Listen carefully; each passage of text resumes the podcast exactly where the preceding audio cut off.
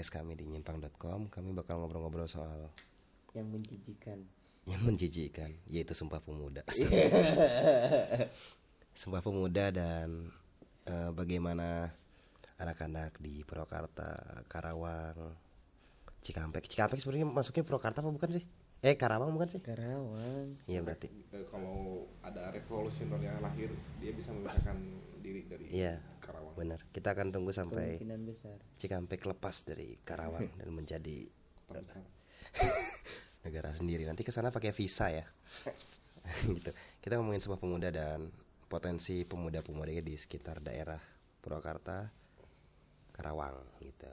Karena Cikampek masih masuk Karawang sekarang, belum melepaskan diri dari Karawang. Jadi aku sama Jojon di sini. Aku sendiri Farid, ada Jojon dari Karawang dan ada Adit dari Cikampek. Kalau sa dua kali disebut namanya tadi ya maaf, ya udah Adit tuh. Adit dari Cikampek, dan Devon Jojon dari Karawang. Devon, Devon. Saya dari Purwakarta dan Devon. Oh iya Devon dari Purwakarta. Ilmi ilmi. Ilmi Ilmi ke sana Chan. Sare. Fuck.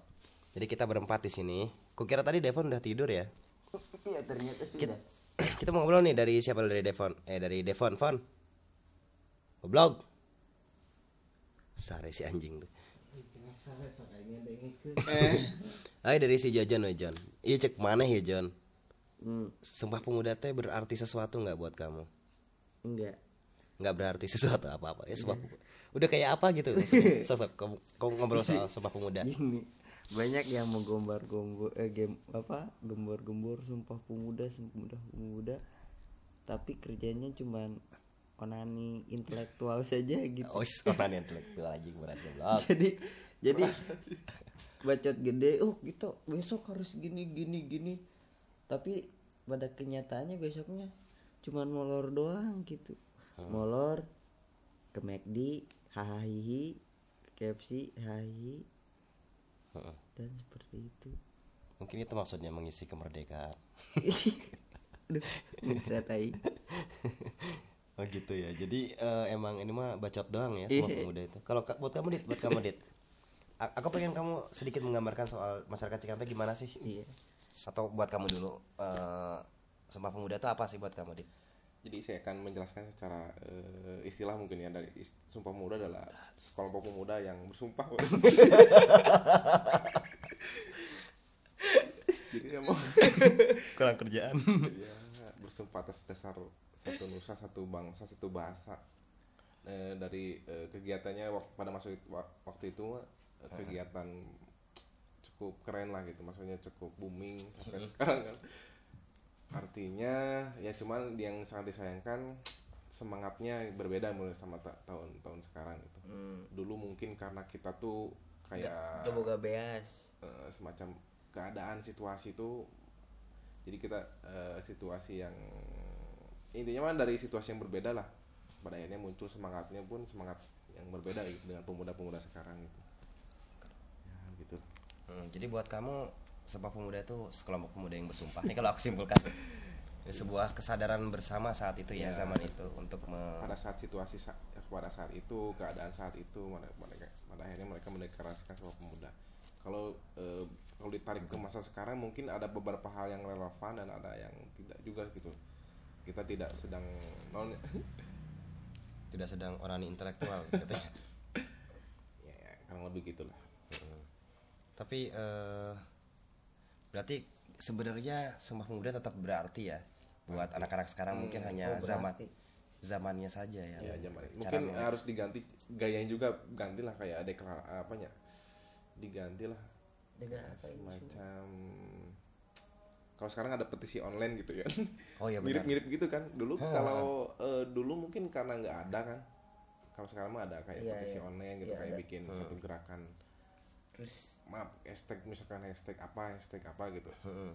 hashtag 2019 ganti presiden contohnya gitu kan sebuah gerakan kan. Iya iya benar iya benar. Kayak sekarang lebih mudah gitu ta dulu mah mungkin ya sama lah kayaknya.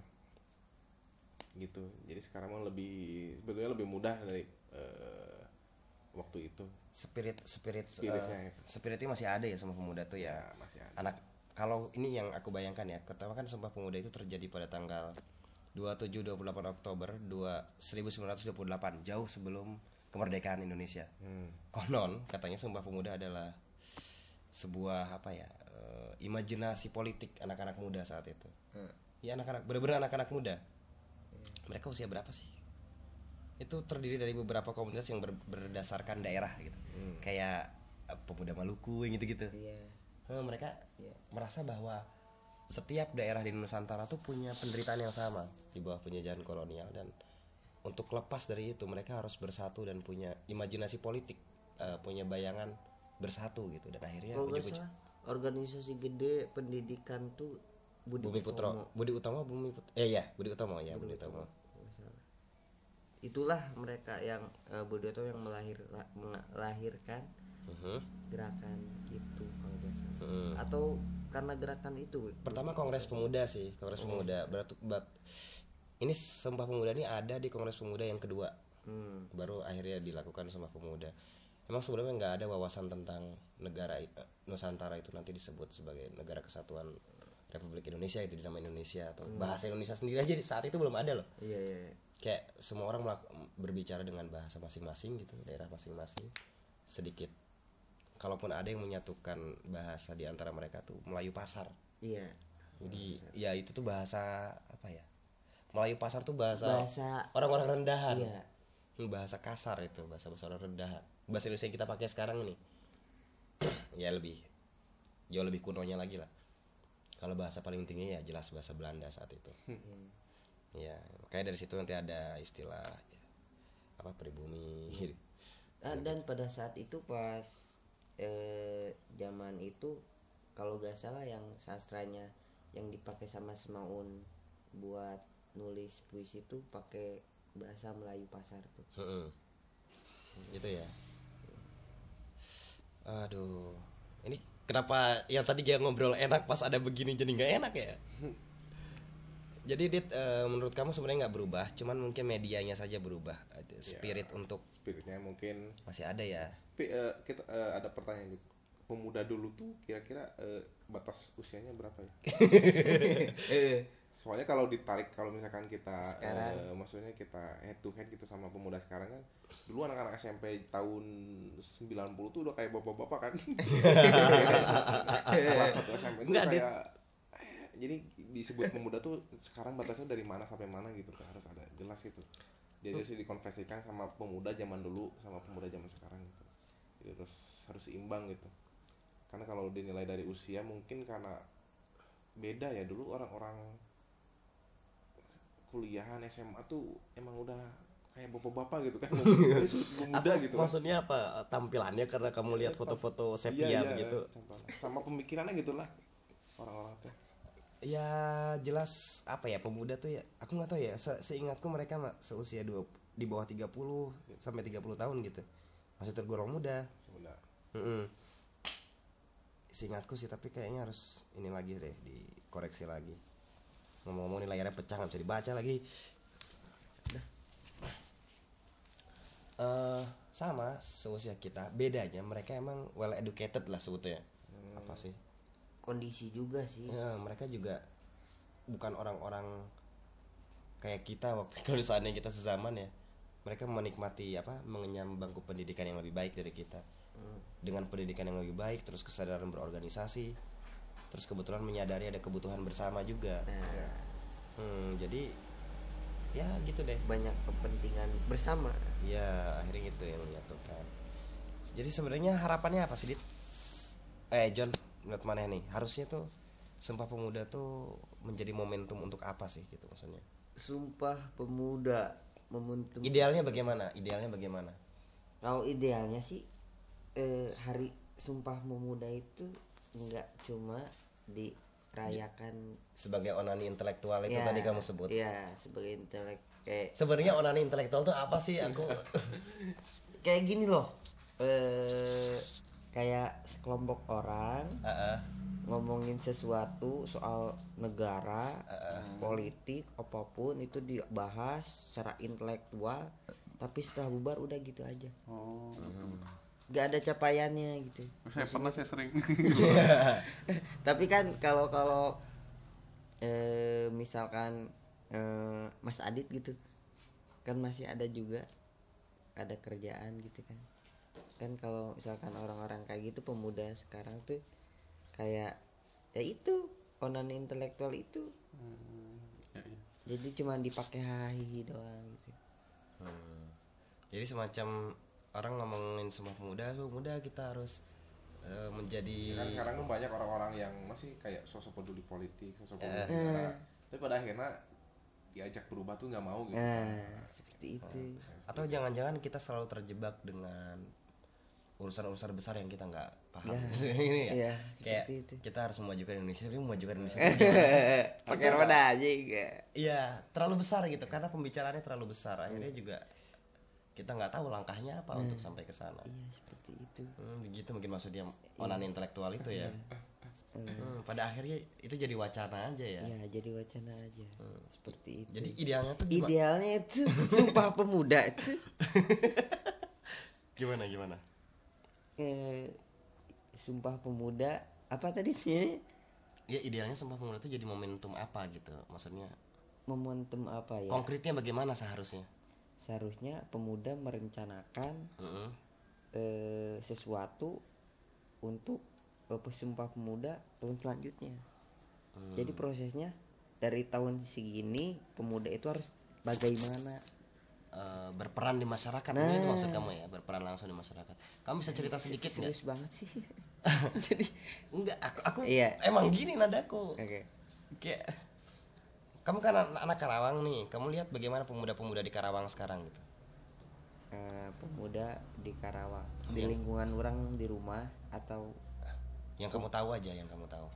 Aduh kalau di lingkungan rumah orang sih emang Wah sampelnya jelek dong ngambil contoh sampelnya kamu ambil sampel yang bagus kenapa? Yang yang yang yang bagus ya. Yang bagus pemuda di eh, pergaulan orang ya. Heeh. alhamdulillah sih eh, baik bagus gitu. Lebih lebih jelas lagi? Eh, banyak agenda yang dibuat. Hmm, kayak untuk- sekarang kayak mau bikin rilisan Zain gitu. Oh, kalian kayak- mau bikin media zain gitu ya? Iya media Zain. Kayak misalkan si eh, kan mau kayak koran gitu kan. Jadi si koran itu datangnya dua minggu sekali. Wah, tentang keren, keren. eh, masalah-masalah yang ada di Karawang apa aja gitu. Hmm, itu peran yang kalian ambil di masyarakat tuh Iya. menerbitkan media itu ya media alternatif. Kabar itu harus harus. Bener dilakukan gitu. Sebagai bentuk apa sih namanya sebuah imajinasi politik ya? iya. Anjir imajinasi jadi. politik. Iya itu benar imajinasi, imajinasi politik. Jadi eh, namanya politik itu nggak selalu hubungannya dengan hal apa politik praktis. Iya. Yang kita lakukan sebenarnya juga setiap tindakan kita tuh ya political act sebutannya. Iya. tindakan politis. Bedanya cuma kamu areanya aja kultural atau struktural gitu kan. Yang kita lakukan selama ini kan kultural kayak teman-teman di Karawang tuh kan bikin apa sih namanya? Aing cuma pakai selempak. Kayak teman-teman di Karawang tuh kan bikin aksi kamisan. Iya. terus mereka menggelar perpustakaan jalanan mereka punya banyak kafe yang di apa diisi dengan acara-acara keren seru gitu ya. Di Karawang tuh ya. Iya. Itu kira-kira berlangsung berapa lama John? Sudah berapa tahun gitu? Waduh. Kalau tempat sepergaulan orang sendiri gitu ngerintisnya udah das kopi itu udah dari 2012 oh gitu. Dan masif gitu. Eh, bikin agenda-agenda acara-acara eh, buat pemuda gitu sekarang kan eh, seperti kayak eh, apa eh, das market. Kan itu nyatuin semua komunitas yang ada di Karawang sebisa mungkin kayak hip hop dancer eh, apa pun lah disatuin. Seperti itu. Supaya eh, apa ketika banyak dibuat eh, komunitas yang apa ya yang modernis yang kekinianis gitu kan. Eh, tapi tetap peduli terhadap eh, lingkungan. Wah seperti itu itu. keren. Itu benar-benar ini ya Pak. Edukatif politik ya edukatif ya.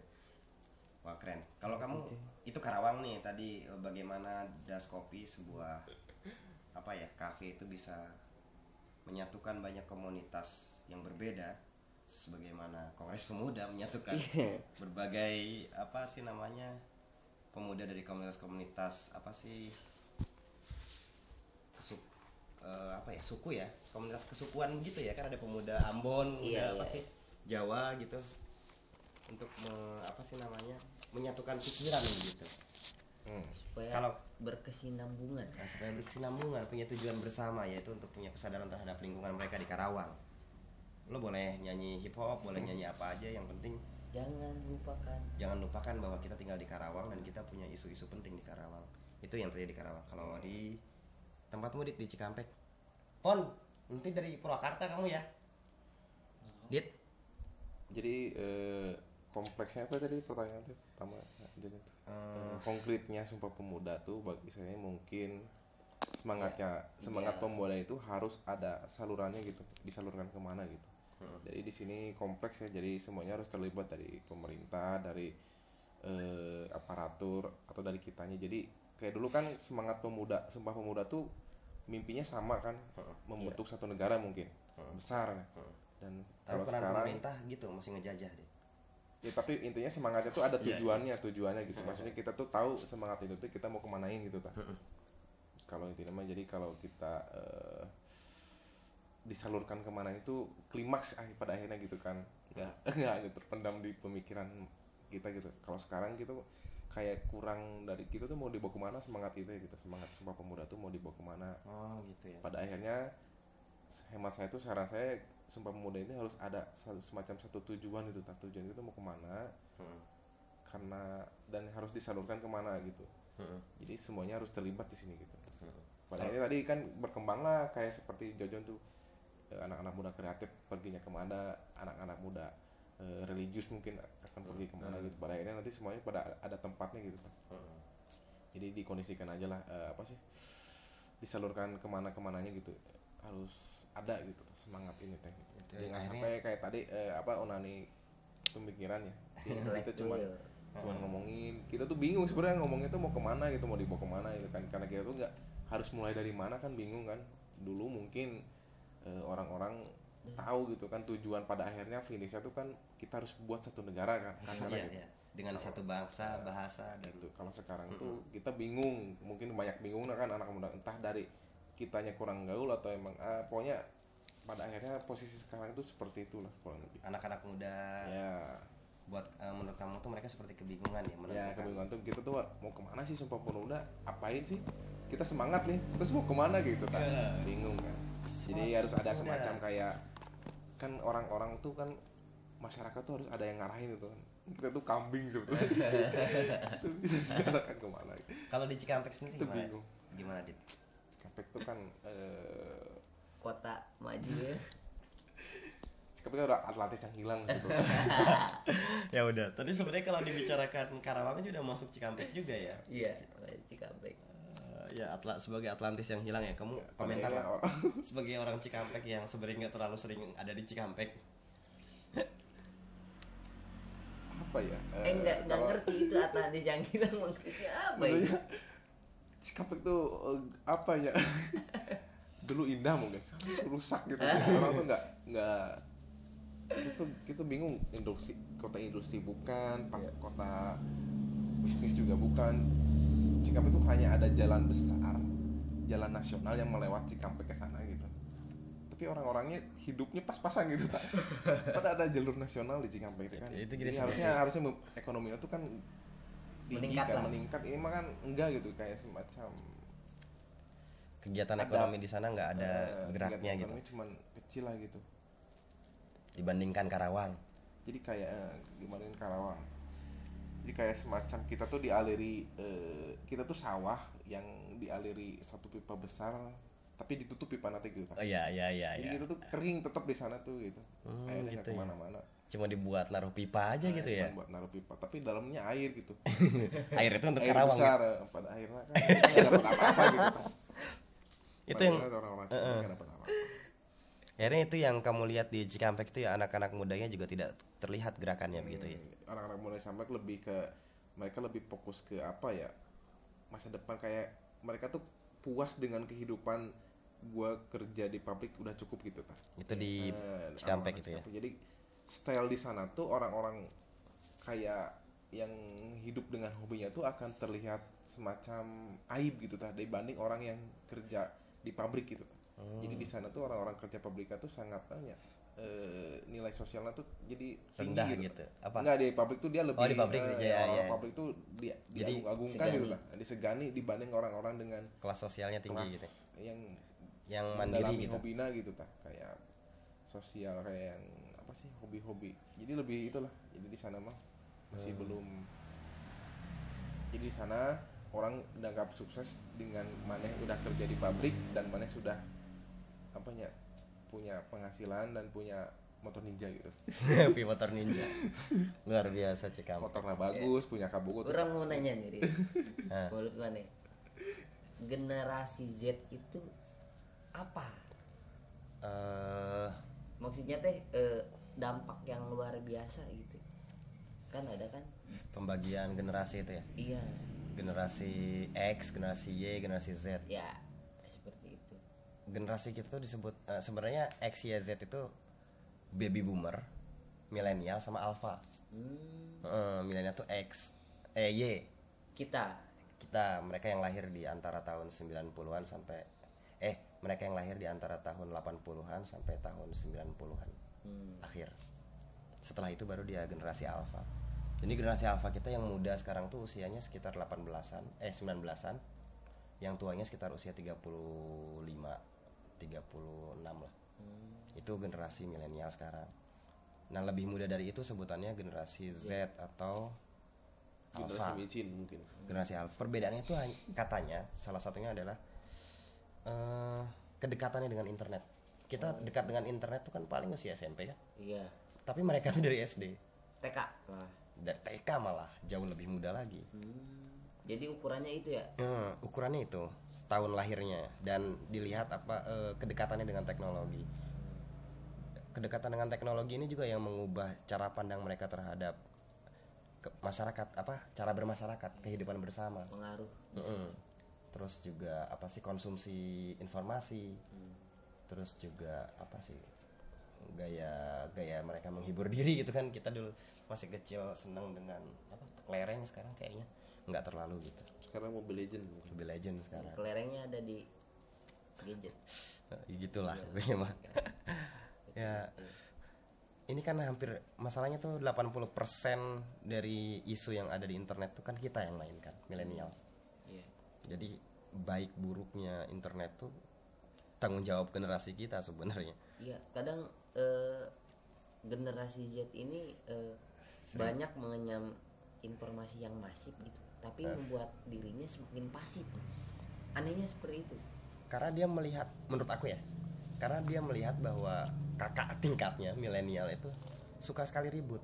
Buat aku sih gitu. Iya. akhirnya kenapa mereka milih TikTok? Karena mereka di TikTok tuh orang nggak perlu ribut gitu. Iya iya iya. Kamu bikin video aja udah beres urusan gitu. Senang-senang udah gitu. Iya kan? Iya. gaya konsumsi antar generasi ini beda deh ke internet tuh. Kayak kita di internet tuh buat ribut mereka di internet buat seneng-seneng itu bedanya gitu. Hmm, dan babinya apa coba? Generasi kita tuh goblok banget. Selalu menghina mereka. Ya, bener. Padahal itu cuma buat happy happy kan. Padahal kita yang lebih pi anjingan sebenarnya. Kita yang suka ribut itu. Dulu saya pernah punya statement kayak gini. Eh, saya punya ponakan masih kecil usia tiga tahunan dan saya merasa beruntung gitu. Eh, si keponakan itu nggak main TikTok gitu. Masih kecil nggak suka internet tapi dia suka nonton TV film Tobor film apa? Eh, kayak eh, apa yang bis kecil tuh? ayo. Eh, Tayo, tayo ya, seperti itu. dia bis besar goblok. diselamatkan. Dan eh, ya. saya statement kayak gini eh, seorang anak kecil nggak akan melakukan hal yang bodoh. Jikalau melihat orang dewasa tidak melakukan hal bodoh seperti itu. mantap. Tapi karena ini eh, kamu obrolannya berbelok begini jadi Oh, aku iya. tutup dengan eh, closing statement aja. Aku- pertanyaannya begini. John buat kamu apa artinya menjadi anak muda? Kamu kan anak muda nih. Eh, si Adit iya abis ini ada. apa apa? Apa uh, artinya menjadi anak muda gitu? Buat Arti- kamu. Heeh. arti jadi Mak- anak heeh. muda. Berarti seperti apa sih? Kamu kan anak muda sekarang. Hmm. apa artinya buat kamu menjadi muda sekarang? Kamu mau nggak mau masih muda sekarang? Arti. Keuntungan apa yang mm, kamu lihat dengan menjadi anak muda? Anjir. Gimana ya? Pulang dulu udah jawab tuh arti Heeh, sebagai eh jadi anak muda. Heeh. orang, orang dulu aja yang jawab. Ya. Ya gimana? Maksudnya teh positif ya eh, ketika kita masih jadi anak muda. Kencang dikit. Eh apa ya? Jadi kita bisa lihat tolak ukur eh, orang tua orang tua di masa kini gitu. Itu sih. Niat tolak apa tolak ukur. Menjadi tolak ukur bagi orang tua masa kini? Bukan. Eh, anak muda masa sekarang tuh Heeh. lihat tolak ukur eh, apa orang tua masa sekarang. Udah eh, gimana ya? Jadi Aing bingung dah. Aing bingung. Tolak Aing bingung. Maksudnya tolak aku tolak angin. Enggak sih Adit dulu Yaudah, deh. sok Adit deh. dulu. Aing gak ngerti pertanyaan apa sih apa arti menjadi anak muda sekarang ini? Bagi saya menjadi anak muda adalah menjadi kreatif lah. Saat jadi Oh, iya. pemuda sama dengan kreatif kelebihan jadi anda ada yang masih sekarang masih pemuda kalau eh, eh, gimana ya bahasanya gini? Saat anda tidak kreatif anda sudah tidak muda anda lagi. sudah tidak muda lagi. Gitu. anjir.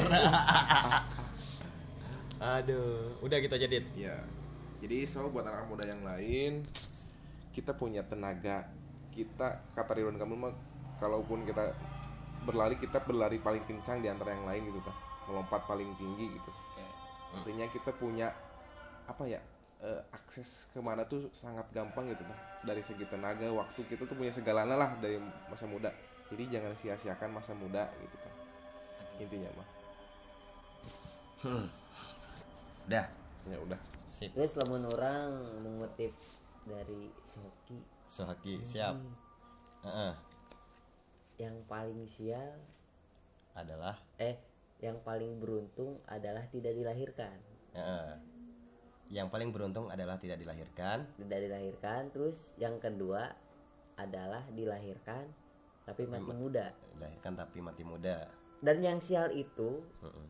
adalah mati tua. Gitu. Seperti itu itu karena dia sangat mencintai eh, masa mudanya ya. Semoga Ya. kamu berumur panjang aja. Jadi itulah kira-kira teman-teman eh, obrolan kita soal sumpah pemuda dan apa artinya menjadi anak muda di masa-masa sekarang ini. Buat kami menjadi muda adalah kesempatan sekaligus kesialan. But it's okay. Yeah. menjadi muda artinya kita dituntut untuk melakukan kreativitas seperti bilang dibilang Adit agar kehendak kreatif terus hidup. Dan di saat yang sama juga menjadi muda itu kesempatan untuk berbuat kesalahan lebih banyak. Dan itu saja eh, selamat pagi. Di sini udah azan subuh jadi selamat selamat subuh nggak relevan ya? Ya udah itu aja. Bye